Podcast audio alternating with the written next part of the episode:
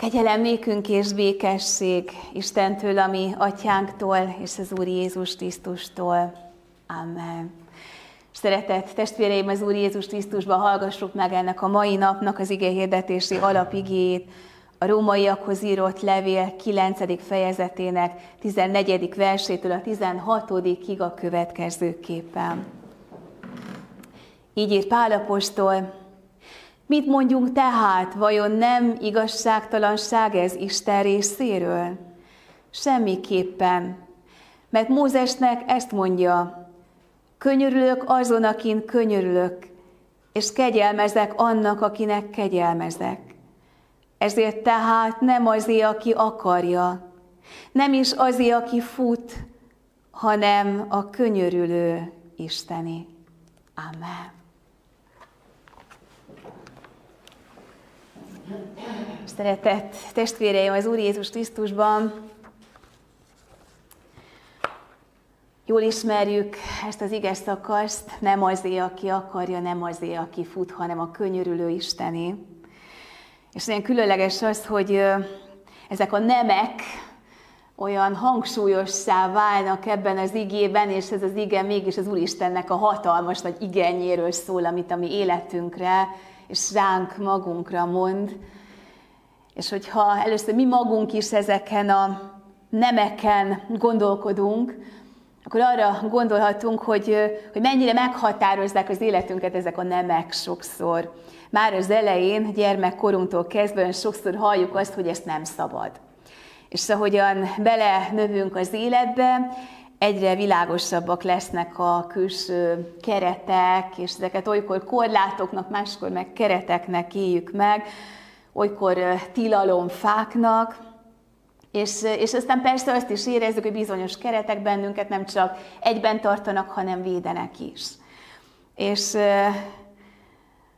valóban olyan nehéz belegondolni, hogy, hogy az ember életében mennyi ilyen, ilyen keret sokszor ilyen börtönné tud válni, miközben azt gondolom nem mindig az az isteni szándék. És aztán ugye a külső nemeken kívül ott vannak a mi belső nemeink, amikor találkozunk a saját korlátainkkal, meg a saját határainkkal. Amikor azt érezzük, hogy, hogy a lehetőségeink azok azzal, ahogyan beleszületünk egy családba, ahogyan beleszületünk egy környezetbe, ahogyan testi, lelki kereteink lesznek, azok egyfajta belső korlátokká tudnak válni, vannak képességeink, amik egészen körülhatárolnak bennünket, és aztán amikor a tapasztalataink is arról szólnak, hogy bizony az ember megtapasztalja azt, hogy, hogy meddig bírja fizikálisan, hogy hol vannak az ő határai, és sokszor teljesen átéljük azt, hogy, hogy a lélek erős, de a test erőtlen, hogy valamit nagyon szeretnénk, és valahol mégiscsak fizikálisan nem tudjuk ezt végrehajtani. És, és a tapasztalataink olykor erről beszélnek. De milyen jó, amikor tisztában lehetünk ezzel, és, és gyakran pedig azzal is találkozik az ember, hogy, hogy a nem szabad, nem lehet, meg a nem tudom mellé, a végén mert azt érezzük, hogy akkor nincs is értelme, akkor nem is érdemes akkor neki se fogok, hát minek. És uh, ilyenkor a hívő ember ezért megkapja az Úristentől a bátorítását, hogy ezért tehát, mivel ilyen szolgálatban vagyunk, mint hogy irgalmat nyertünk, nem csüggedünk el. Mert hogy nekünk azért mégse ezt határozza meg az életünket, hogy vannak külső keretek, meg belső keretek, hanem valami olyan isteni kegyelem, amiről énekeltünk is itt az imént, ami sokszor szétfeszíti azokat a kereteket is, amik külső korlátokként működnek az életünkben, és szétveszíti olykor azt a belső tehetetlenséget is, amit az ember gyakran magával kapcsolatban gondol, hisz, hisz vél vagy tapasztal. És Pálapostól ugyanezt éli meg akkor, amikor, amikor annyi helyzetben tulajdonképpen valami erőfeletti teljesítményt tud adni az Isten ügyéért. És talán mi is átéltünk már ilyet, hogy valami erőfeletti dolgot tudtunk teljesíteni, szinte magunk se értettük, hogy honnan jött az az erőforrás. Mert hogy nem belőlünk forrásozott, az biztos. És hát ugye visszatérve a mi igénkhez, ugye nem azért, aki akarja, egy újabb, nagyon erőteljes nem. Hát miről beszél itt az apostol? Mi az, amit akar az ember? Hát sok mindent akarunk, hogy ez az ige konkrétan miről is szól. hogy mi ennek a mondatnak a tárgya, az tulajdonképpen egy ilyen ö, kortörténeti dolog is, de azt gondolom mindannyiunkat nagyon érint, mert hogy, mert hogy amit akarhat az ember, és a legnagyobb dolog, amit akarhat keresztényként, az az üdvösségünk. És éppen ahogyan a mostani lelkész konferencián együtt ültünk egy csoportban, és gondolkodtunk ezen, az egyik lelkész felvetette az egyik kollégám, hogy ha most itt végigkérdeznénk az utcán az embereket, hogy mi az, hogy üdvösség, akkor nem is biztos, hogy tudnának erre olyan szabatosan válaszolni. Mit, jelent az a valami, amiért olyan érdemes lenne mindent oda tenni, és hogy mi is hogyan tudnám megfogalmazni, mit jelent számunkra az üdvösség. Jelenthet örök életet, jelenthet Isten kapcsolatot, jelenthet kegyelmet, jelenthet a bűnre választ, azaz, hogy kiutat. Igazából sok mindent jelenthet a mi számunkra. De ott és akkor Pál a 9-től 11. fejezetig végig arról beszél, hogy, hogy hogyan kapcsolódhat be az Isten népe az üdvtörténetbe. És olyan érdekes ez, mert hogy ott pontosan az a kérdés, hogy, hogy nem a pogányoknak az üdvösségéről beszél, hanem éppen az Isten népének, a zsidóknak az üdvösségéről beszél. Akik még akkor nagyon benne vannak annak a nagyon szorító keretébe, hogy, hogy mi akkor vagyunk az Isten népe, a test szerint beleszülettünk oda és, és ők maguk nem tudnak mit kezdeni, és ez nagyon az első századnak a kérdés felvetése, hogy, hogy mit kezdjenek ugye azokkal, akik pogány eredetű keresztények. A pogány eredetű keresztények pedig nem tudnak mit kezdeni ezzel a nagyon feszes rendel, amit ők hoznak magukkal. És az apostol, mint egy ilyen gordiuszi csomót átvágva, azt mondja, hogy hát egyetlen egy kritériuma van annak, hogy mi üdvözlünk és Isten gyermekei vagyunk-e vagy sem, és ezt így fogalmazza meg, hogy ha tehát száddal Úrnak vallod Jézust, és szíveddel hiszed, hogy Isten feltámasztotta őt a halálból, akkor üdvözülsz. Ennyi. Mondhatnánk, hogy ennyire egyszerű, de persze érezzük és éljük, talán pont a saját hitbeli korlátainkkal szembesülve, hogy ez nem ilyen egyszerű. És valóban ez a főzenet, hogy az üdvösség az nem azé, aki akarja és fut, és olyan érdekes kifejezések vannak itt a Héberben, az, ered, az a görögben elnézést, mert hogy ugye ilyeneket jelent ez a kifejezés, hogy nem azon múlik, aki erőlködik, vagy nem azon múlik, aki törtet, és hát nem kell túlzottan ezeket a szavakat magyarázni, nagyon bennük van a lényeg, tehát nem lehet az üdvösségért erőlködni, meg törtetni, hanem tulajdonképpen az üdvösségét az Úristentől az ember ajándékba kapja.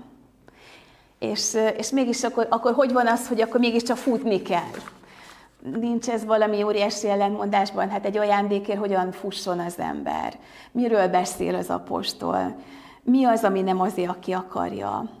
És hogyha egy kicsit próbálunk a mai kornak a szóhasználatával gondolkodni az üdvösségről, akkor nyilván senki más nem hívunk segítségül, mint magát Jézust, aki ugye azon a helyen, amikor tanítja az övét arról, hogy, hogy ugye a, vagy a mammon, vagy az élő Isten, hogy döntsenek, és ott aztán azt mondja, hogy aki a kevésen hű, a sokon is hű lesz az, és, és aki a hűséget bizonyít a kevésen, arra rábízzák az igazit. És hát, hogy tulajdonképpen lehetne akkor így beszélni erről, hogy az üdvösség az az, az, az igazság, az a teljesség, az az élet, amire azt mondhatnánk, hogy na az az igazi. És, és hát, hogy talán itt tudnánk ezt így magunkhoz is közelebb hozni, meg talán a mai emberhez is közelebb hozni. És hát ezt, azt a fajta igazit, azt az ember nem kapja meg, nem kiverekszi magának, és, és tulajdonképpen ez az egyetlen igazi élet, valóság, teljesség, az a könyörülő Istennek az ajándéka. És, és ilyen értelemben, ha belegondolunk, akkor körülnézünk a világban, és azt mondjuk, hogy nagyon sokan vannak ebben a világban, akik nem nagyon tudják, hogy mi ez az igazi. Mert ami van, azt összetévesztik ezzel az igazival. Mert talán részigasságokat ismernek ebben a világban hogy talán nem tudják, ismerik az örömnek egy szintjét, de talán nem ismerik azt a szintű örömöt, ami az Istenben való öröm. Talán ismerik a békességnek egy bizonyos szintjét, de nem ismerik azt az Istentől való békességet. És végig lehetne menni egy sor ilyen fogalmon, a szeretettől kezdve a legmélyebb hitélményeken át. És azért, mert, mert ha nincs ilyen tapasztalatuk, akkor azt, amit látnak, megélnek, azt gondolják teljességnek és igaznak. És tulajdonképpen mi keresztények azt az irányt tudjuk csak megmutatni másoknak, hogy, hogy van egy azon túli öröm, túli békesség, túli ö, teljesség, amit az ember a földi életében ismer. Ami már itt a földi életben is olyan értékes és szép, és olyan jó lenne, hogyha ezt csak ennyit tudnánk megélni, már óriási lenne. De hogy ennél, ennél van egy nagyobb és több is. És hogy erre vágyakozzon az ember, és ezért fusson az ember, és ebbe tegye bele az erejét és az energiáit. Mert ö, valóban így igaz, hogy ö, addig, amíg a valóságos igazit nem kaptuk meg, addig a meglévőt tekintjük annak. És persze vannak csalódásaink is. Akkor tovább futunk, és azt gondoljuk, hogy na mégse ez volt az. És talán egy legközelebbi teljességet keresünk. Futunk mindig a jobb után, miközben lehet, hogy a valódit, az igazit, meg a teljeset nem ismerjük meg akarunk, elérünk valamit, megállapodnánk, aztán megromlanak a dolgok, csalódunk, és újra futunk, hogy hát, ha a következő szakasz majd sikeres lesz, és kezdődik a mi életünk futása előről. És ö, olyan paradox dolog ez, az egyik oldalon ott az ajándék, a másik oldalon meg ott van a mi törekvésünknek a felszólítása az apostol részéről, hogy törekedjetek. És több helyen is olvasunk erről, mert hogy a mi döntésünknek, a mi akarásunknak, a mi elköteleződésünknek is óriási jelentőséget tulajdonít. Több olyan igehely van, amit szintén olyan nagyon szeretünk, mint ezt a mait. Azt írja az apostol, korintusiakhoz írott levélben. Nem tudjátok hogy akik versenypályán futnak, minnyáján futnak ugyan, de csak egy nyeri el a versenydíjat. Úgy fussatok, hogy elnyerjétek.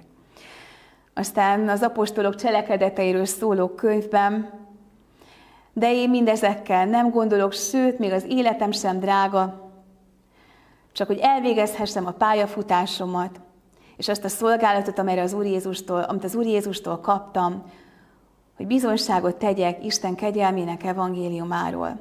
Vagy máshol, ahol nagyon jól ismerjük, hogy ama nemes harcot megharcoltam, futásomat elvégeztem, a hitet megtartottam. Milyen jó lenne így befejezni egy életet.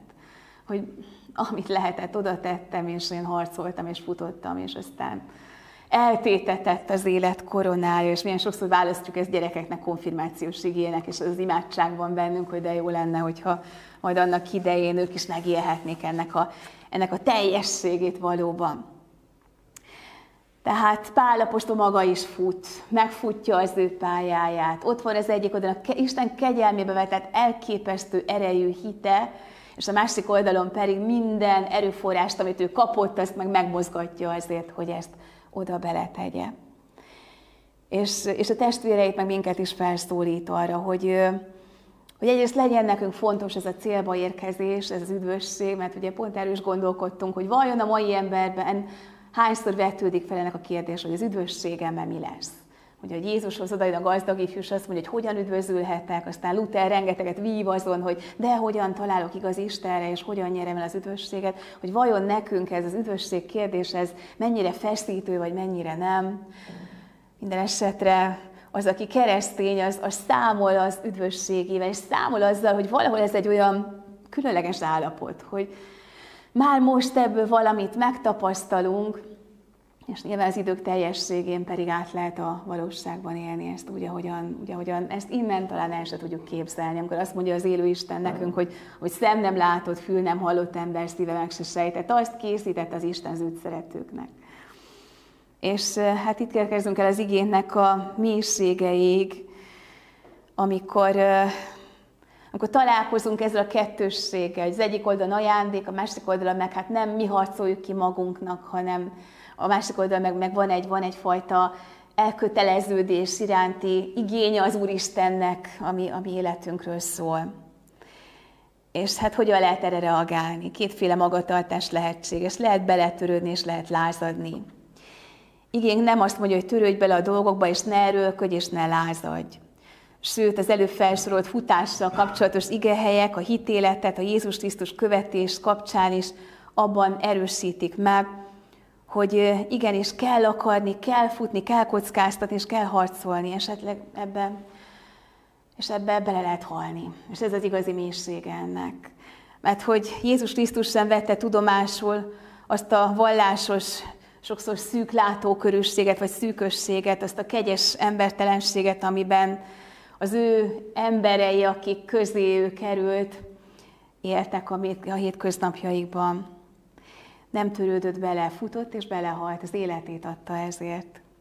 És Jézus követni, az ő által a kijelölt pályán, őrá figyelve, őt követve futni, akarni eget ostromló akarattal, az sokszor erről is szól, hogy az ember beleteszi az erőforrásait, és, és hát megtöretik sokszor ebben. Mert hogy ennek is ott vannak az őszinte mély megélései, és talán ezt is átéltük már az életünkbe, hogy beletesszük a mi teljes elköteleződésünket, és ez nem egy egyszerű dicsőségfutás. Mert Jézus követése sokszor nagyon nehéz és küzdelmes. És ez most nagyon ilyen klisé jellegű mondatnak hangzik, de akik éljük és tapasztaljuk, azt átéljük, hogy ez mit jelent. És, és közben pedig azt is átéljük, hogy az akarásunk is kegyelem. Hogy az, hogy egyetlen el tudunk köteleződni, már az is kegyelem. Hogy egyetlen ebben a történetben mi azt érezzük, hogy szereplők és részesek vagyunk, hogy már az is kegyelem. És, és aztán azt is átéljük, hogy nem csak magunkért futunk, és nem csak magunk futunk, és ebben van megint egy óriási megtartó erő. Emlékszem arra, hogy életemben egyszer sikerült egy 10 kilométert futnom, hosszú évekkel ezelőtt, az egyik pedagógus barátnőmmel, és annyiszor fel akartam adni. Azt éreztem, hogy a képtelenség, hogy én 10 kilométert le tudok futni. És olyankor ő mindig visszajött, és, és megbíztatott. És szinte lelassította a lépteit egészen az enyémekhez és, és velem futott be a tizedik kilométer után abba a faluba, ahova ugye el akartunk menni. És emlékszem arra, hogy hányszor értem el a holdpontomat, és hányszor sikerült neki onnan lendületet adni egy-két szóval, egy-két mozdulattal. És valahol azt gondolom, hogy átéljük ezt, akár Jézussal is az úton, akár a mieinkkel is az úton. Hogy milyen nagy dolog az, hogy mi úgy vagyunk keresztények, hogy nem mi egyedül egy-egy-egy helyen, hanem együtt vagyunk keresztények. És talán átéltünk már olyat az életünkben mindannyian, hogy valakinek oda kellett lépni, és meg kellett biztatnia minket. Vagy amikor mi voltunk azok, akik láttuk a másikat, és odaálltunk mellé. Hogy ez milyen nagy dolog, hogy ez egy ilyen közösségi történet. És nem azért fut a keresztény ember, hogy leelőzze a másikat, hanem hogy együtt jusson célba a másikkal. És erre is el vagyunk hívva. Nem azért, aki akarja, nem azért, aki fut, hanem a könyörülő Isteni. Futunk Jézus követésében. És ebben a futásban már nincs semmi sportszerűtlenség, szabálytalanság, durvosság, agresszivitás. És ebben olykor beleférnek a pihenők is. Végképp nincs ebben a futásban görcs, mert Isten kegyelme Jézusban folyamatosan arról biztosít bennünket, hogy a cél valóságos, és a cél elérhető. Futunk és nem loholunk, nem esünk kétségbe, ha lemaradunk. Ha tőlünk csak ennyi telik, mert nem ettől függ a megérkezésünk. Az egésznek a tétje mégsem rajtunk van. Érdemes lenne ezt az igeverset úgy is átgondolni, hogy bűnbánatot tartva kimondjuk, hogy amikor a hétköznapi életben megfutjuk a magunk futásait, akkor ezek sokszor karrierfutások, a bajok elől futások, a csúcsokra látványos győzelmek felé törő futások. És ennek az igeversnek a nemjei, azok pont erről is szólnak. Mert hogy Isten nemet mond erre a fajta gondolkodásra. Isten egy kicsin gyermekben, egy istálóban, egy názáreti ács fiában jelenik meg. Nem a csúcsokon, hanem a mélységekben mutatja meg annak az igazi életnek a kibontakoztatását, és annak az igazi életnek a legnagyobb tartalmát. És aki volt már lent, mélységben, az tudja, hogy ott tényleg az Úristen kegyelme tart meg egyedül. És ő ad üdvösséget, ő ajándékozza nekünk a maradandó igazit, amiért érdemes futni és akarni, mert ez a futás Isten dicsőségét és a másik javát is szolgálja. De aminek a tétjét, ami Urunk Jézus Krisztus a Golgotai kereszten és feltámadásában győztesen elhordozta mindannyiunkért. Imádkozzunk! Úr Jézus Krisztus, Te ismered a mi pályánkat, azt is, amit már mi befutottunk, és azt is ismered, ami még előttünk is titok. De egy dolgot nagyon egyértelműen felmutattál, hogy az életünk célja, beteljesedése, igazi valósága, az túl van minden földi elképzelésen. Olyan sokféle névvel nevezzük, olyan sokféle tapasztalattal tapasztaljuk. De leginkább a hitünkkel szeretnénk megragadni a Te végtelen kegyelmedet. Köszönjük, hogy Te befutottad azt a pályát, aminek a vége a megdicsőült halál és a feltámadás, a megváltás valósága. És most kérjük tőled, hogy hadd tudjuk mi is befutni azt a pályát, ami mi előttünk van és ezen a pályán hadd legyen valóban fair play, hogy tudjunk egymást mellé, amikor kell állni. És meghalljuk a te biztatós szavad, amikor elcsüggednénk, megfáradnánk, elengednénk a célt. Így légy velünk, Úr Jézus, mint családok, mint közösségek, mint gyülekezet. Amen.